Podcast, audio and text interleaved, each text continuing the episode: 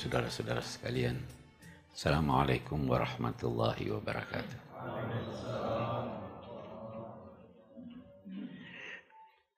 Malam ini kita akan melanjutkan bicara tentang haji. Haji.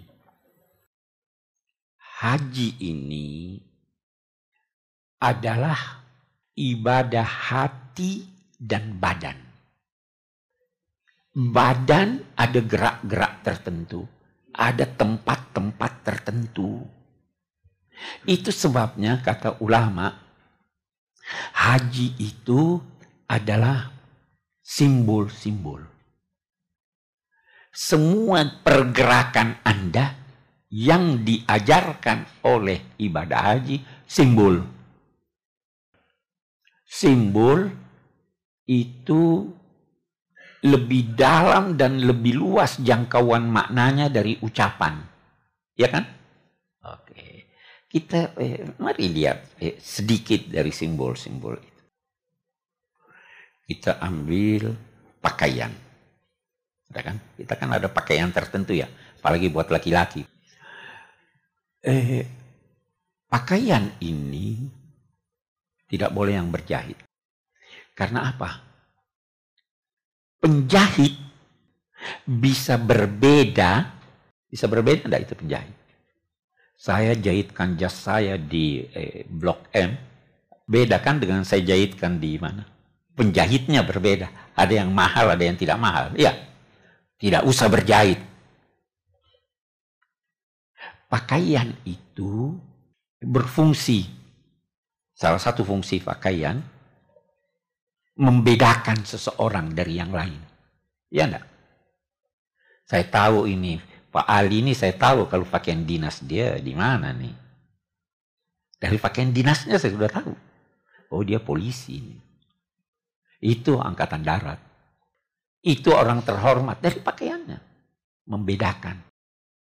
Di samping yang lain. Pakaian menutup aurat pakaian eh, melindungi Anda dari sengatan panas dan dingin. Tapi yang paling penting dalam konteks haji, Allah mau bahwa semua memakai pakaian yang sama. Kalau berjahit nanti macam-macam tuh jahitannya. Itu simbol. Semua pakaian-pakaian atau fungsi-fungsi pakaian yang selama ini Anda pakai itu dihindarkan, tapi pakailah pakaian yang tidak berjahit dengan cara tertentu. Ya kan ada caranya lagi kan? Kafan itu diselempangkan itu, kafan dibuka, kafan itu sama. Simbol. Eh menarik kita lihat Ka'bah. Oh itu paling banyak pelajaran di Ka'bah itu. Banyak sekali pelajaran di Ka'bah. Jadi kita lihat Ka'bah dulu. Yang pertama, bentuknya bagaimana? Segi empat atau kubus ya. Kalau Anda berada di Ka'bah, ke mana pun Anda menghadap, untuk sholat boleh. Iya kan? Ke utara, ke selatan, miring sini. Tidak kayak kita di di ini di Indonesia miring sedikit oh ini tidak dapat Ka'bah nih ya tidak usah lah ya kan sana tidak, semua sama. Itu lambang kehadiran Tuhan. Tuhan wujud di mana-mana. Di utara, di selatan, di barat, di timur. Ini, ini. Menarik lagi, itu ada yang menarik di Ka'bah. Saya tidak tahu, tapi menurut bacaan saya begini. Itu kan kita kalau di Ka'bah berkeliling bertentangan dengan jalannya jarum jam. Ya. Itu dikatakan bahwa sebenarnya alam raya ini berkeliling tidak juga sesuai dengan cara Anda tawaf. Elektron katanya gitu. Planet-planet beredar begitu. Sel-sel beredarnya begitu. Jadi kita ketika tawaf itu adalah simbol kita masukkan diri kita dalam kelompok orang-orang atau makhluk-makhluk yang taat kepada Allah Subhanahu wa taala. Kita masuk dalam kelompok itu. Ini luar biasa ini dari mana Nabi tahu itu? Kenapa tidak? Dia izinkan saja ini yang mau kiri boleh, yang mau kanan boleh. Lambang. Lambang dari kehadiran Tuhan dan Anda memasukkan diri Anda ke dalam ada Hajar Aswad.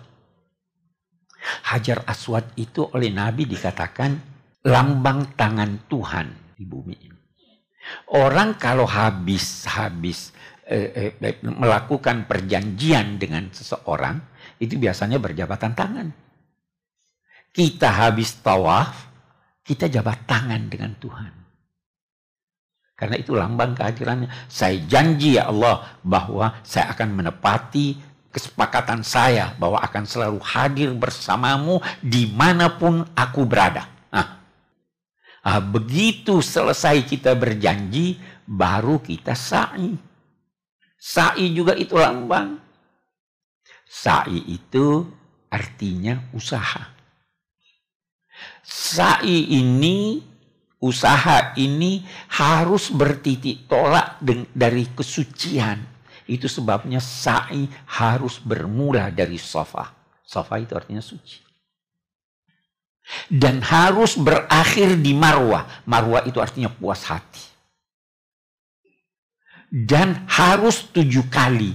Tujuh itu lambang banyak. Di Al-Quran kalau dia katakan tujuh langit itu banyak.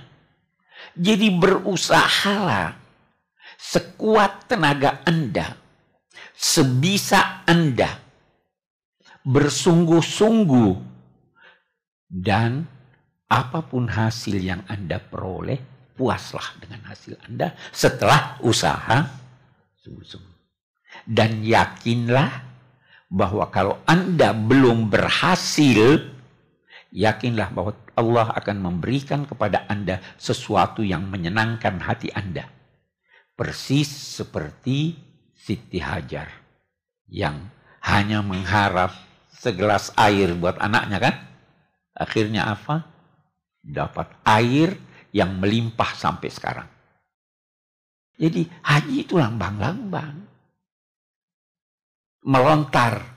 Itu caranya Anda bukan seperti saya. Saya pernah lihat, saya salah satu haji pernah lihat ada satu orang orang tidak mengerti itu. Dia ambil sendalnya, dia lempar, ya Allah syaitan. Itu itu lambang. Itu ya kan banyak begitu.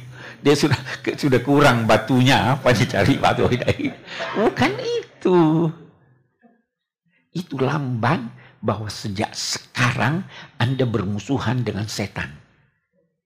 Jadi tidak perlu batu besar, batu kecil begini aja.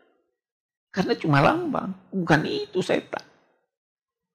Mencukur rambut, itu lambang. Dia ingin Anda tenang. Rambut itu secara umum hitam. Itu melambangkan dosa. Dosa. Kegelapan Allah Subhanahu wa taala menghendaki bahwa setelah Anda melaksanakan haji dengan tulus, dengan ikhlas, dengan baik, diampuni dosa Anda. Apa bukti diampuni dosa Anda? Anda disuruh cukur. Gunting rambut sebagai lambang sudah gugur. Tanamkan di dalam hati Anda bahwa saya sekarang bersih. Itu yang Allah kehendaki. Karena kalau Anda masih merasakan ada dosa, Anda terganggu. Ya kan? Jadi semua lambang-lambang, semua lambang-lambang itu haji. Bukan sekedar eh, jalan eh, ke kiri, ke kanan, ini lambang. Gerak Anda, gerak Anda itu harus melambangkan sesuatu. Itu yang ditanamkan di dalam hati, dan apa yang Anda lakukan itu demi karena Allah. Itu itu haji. Yang terakhir dalam konteks ibadah haji, eh, saya ingin berkata begini, kita ingin luruskan juga orang yang melaksanakan ibadah haji itu bagaikan berjanji kepada Allah. Ya kan? Tawaf saya janji Allah, mulai sekarang saya masuk dalam lingkungan. Janji itu. Baru jabat tangan. Ya Allah, saya janji. Cium Hajar Aswad. Oke. Sa'i janji. Ya Allah, saya janji saya mau usaha bersungguh-sungguh. Tetapi dari sofa, Marwah. Lontar, saya janji memusuhi setan. Di Arafah, kita mendekatkan diri kepada Allah. Habiskan semua dosa ini, ini segala. Saya janji ya Allah tidak akan mengulangi lagi dosa saya. Begitu semuanya, semua janji. Nah, sekarang ada haji mabrur. Ya kan?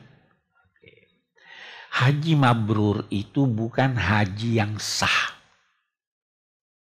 Haji mabrur itu mabrur itu terambil dari kata abarra yabiru menepati. Jadi haji mabrur adalah haji yang oleh pelakunya sang pelaku menepati janjinya. Jadi haji mabrur itu bukan di sana. Haji mabrur itu setelah kembali. Anda tepati janji Anda atau tidak? Tepati. Musuhi setan. Oh tidak, oh tidak mabrur haji Anda. Terlalu murah. Itu orang yang menafsirkan haji mabrur itu haji yang sah. Padahal orang yang hajinya mabrur masuk surga ya. Berapa hari haji itu? Paling lama lima hari. Bahkan bisa jadi tiga hari itu haji. Ya toh? Kalau sampai di Jeddah pagi tanggal 9 Zulhijjah. Langsung tawaf, pergi wukuf. Besoknya lempar jumrah. Ya kan?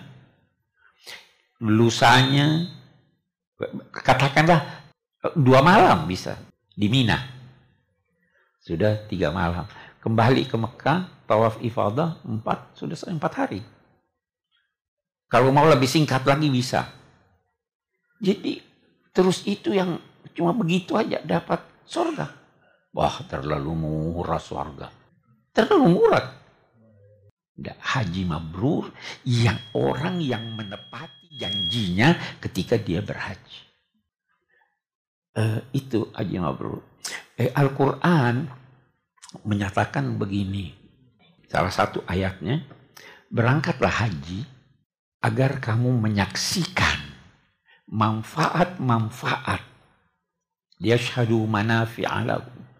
Supaya mereka menyaksikan manfaat-manfaat, manfaat duniawi dan ukhrawi dalam perjalanan dan pelaksanaan ibadah haji. Baik. Ada satu hal yang saya eh, eh, ingin terangkan begini salah satu manfaat yang harus diperoleh dari ibadah haji itu adalah pengenalan terhadap Nabi Ibrahim. Anda perlu kenal Nabi Ibrahim. Saya akan beri satu contoh. Banyak sekali keistimewaan orang ini. Nabi Ibrahim itu hatinya bersih. Itu sebabnya orang haji harus bersih hatinya. Kita lihat di Ka'bah di Ka'bah itu kan eh, ada yang dinamai makam Ibrahim, ya kan? Itu di dalam kaca. Ada bekas kakinya. Jadi itu Nabi Ibrahim diperintahkan meninggikan Ka'bah. Sebenarnya dia sudah cukup melaksanakan tugasnya apabila Ka'bah itu tingginya setinggi jangkauan tangannya. Ya kan? Tapi Nabi Ibrahim tidak begitu. Dia mau lebih tinggi lagi. Jadi dia ambil batu. Dia letakkan batu itu di depan bangunan Ka'bah, baru dia berdiri di situ untuk lebih tinggikan. Melebihi tugasnya atau tidak ya? Melebihi tugas. Tuhan mengabadikan itu. Hai manusia. Lihat ini orang yang melaksanakan tugasnya lebih baik daripada apa yang di itu kekal. Itu sebabnya, itu sebabnya ada hal dalam agama bahwa eh, niat seseorang itu bisa lebih baik dari amalnya. Niat Anda bisa lebih baik dari amal Anda bisa jadi Ada seorang yang amal-amalnya sedikit, tapi ada satu amalnya yang dia lakukan begitu ikhlas sehingga Allah mengampuni dia. Walaupun amal itu kecil. Itu saya pernah ceritakan, ada orang memimpikan Imam Ghazali. Wahai Imam Ghazali, Bagaimana keadaan? Waduh, saya alhamdulillah dapat kedudukan yang sangat indah di alam saya sekarang. Terus orang itu katanya berkata, wajar, kamu kan banyak pengabdianmu buat Islam. Dia bilang, bukan karena itu. Karena apa? Saya pernah membiarkan seekor lalat yang hinggap di ujung pena saya untuk mengisap tinta saya saya biarkan. Itu yang menjadikan saya mendapat kedudukan ini. Ya kan? Jadi keikhlasan. Ah, Nabi Ibrahim keistimewaannya kalb salim. Awahun halim. Suka berkata, aduh kok bisa begitu. Pengibah. Lagi halim, eh, senang berlapang dada Nah, di samping keistimewaannya yang lain. Keistimewaannya yang lain. Oh, terlalu banyak. Sampai-sampai Allah menyatakan Nabi Ibrahim itu umat. Satu orang ini umat. Maknanya dia punya sifat-sifat istimewa yang begitu banyak yang tidak bisa disandang kecuali oleh umat, oleh banyak orang. Nah, itu sebabnya agama Islam ini kelanjutan dari ajaran Nabi Ibrahim. Saya kira itu itu haji ya. Jadi pada akhirnya kita berkata dia wajib, tetapi wajib sekali seumur hidup bagi yang mampu. Yang mampu tidak dapat kuota pergi umrah. Yang eh, sudah umrah mampu tidak dapat kuota tidak apa-apa. Anda tidak wajib buat Anda.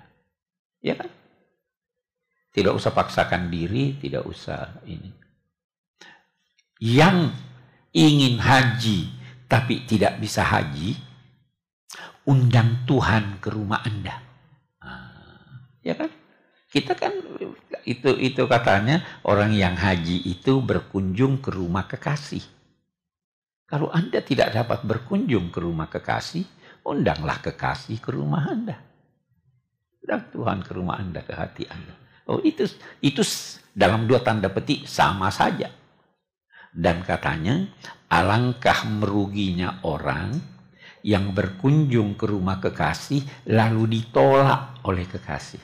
Nah, ya.